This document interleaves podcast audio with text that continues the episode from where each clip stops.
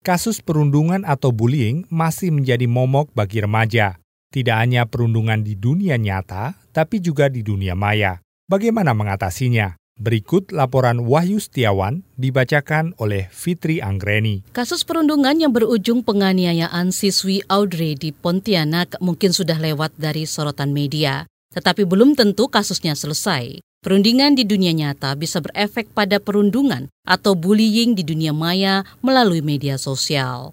Peneliti dari Lembaga Ilmu Pengetahuan Indonesia LIPI, Augustina Situmorang mengatakan, kondisi itu sangat mungkin terjadi di era teknologi informasi sekarang ini.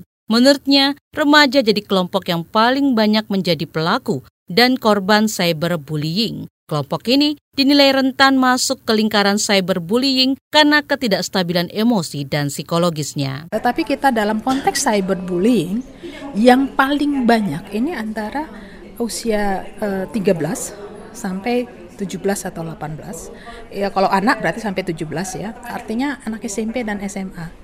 Karena apa? Karena ini dia masa puberitasnya. Fenomena perundungan di dunia maya atau cyberbullying tergolong baru di Indonesia. Dulu lebih tenar dengan istilah bullying. Bullying merupakan aktivitas yang dengan sengaja dilakukan untuk mendiskreditkan atau untuk menyakiti orang lain secara berulang-ulang. Menurut Augustina, selalu ada pihak yang menjadi korban dan tidak bisa melawan. Dari beberapa penelitian, aktivitas penggunaan media sosial sangat signifikan terhadap tindakan pelaku dan korban. Instagram berada di peringkat atas wadah menjamurnya cyberbullying. Jadi kadang banyak orang yang tidak nyaman dengan keluarga, tidak nyaman dengan teman atau itu dia menjadi aktif di media sosial.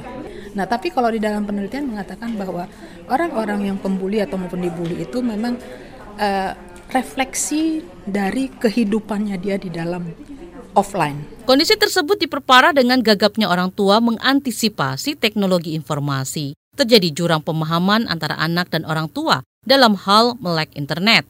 Data Kementerian Komunikasi dan Informatika tahun 2017, penetrasi penggunaan internet di kalangan remaja mencapai 75 persen. Sementara orang tua usia lebih 40 tahun hanya sekitar 40 persen. Menurut Aulia Hadi, peneliti Pusat Penelitian Kemasyarakatan dan Kebudayaan LIPI, budaya dalam keluarga sangat berpengaruh dalam pembentukan aktivitas anak, termasuk di media sosial. Kedekatan antara keduanya menjadi pencegah anak masuk ke dalam aktivitas buruk di dunia maya. Jadi meskipun kita lebih dewasa, tapi gimana caranya kita mem, mem menempatkan diri kayak teman, dia bisa bercerita, memberikan contoh kan, uh, biar dia mengimitasi. Aulia juga menyoroti peran orang tua saat sang anak menjadi korban cyberbullying. Orang tua disebut harus melakukan pendekatan yang sabar agar anak berani membuka diri. Beberapa korban kasus cyberbullying bahkan ada yang berujung bunuh diri. Hal itu terjadi karena mereka tidak bisa mengekspresikan problem psikologisnya. Jadi memang lebih harus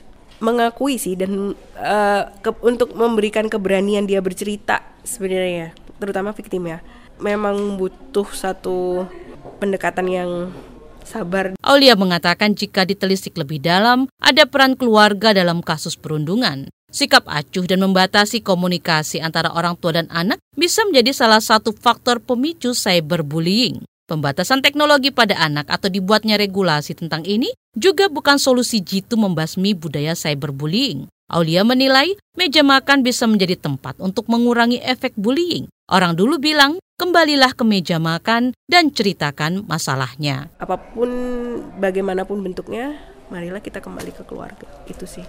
Laporan ini disusun Wahyu Setiawan. Saya Fitri Anggreni.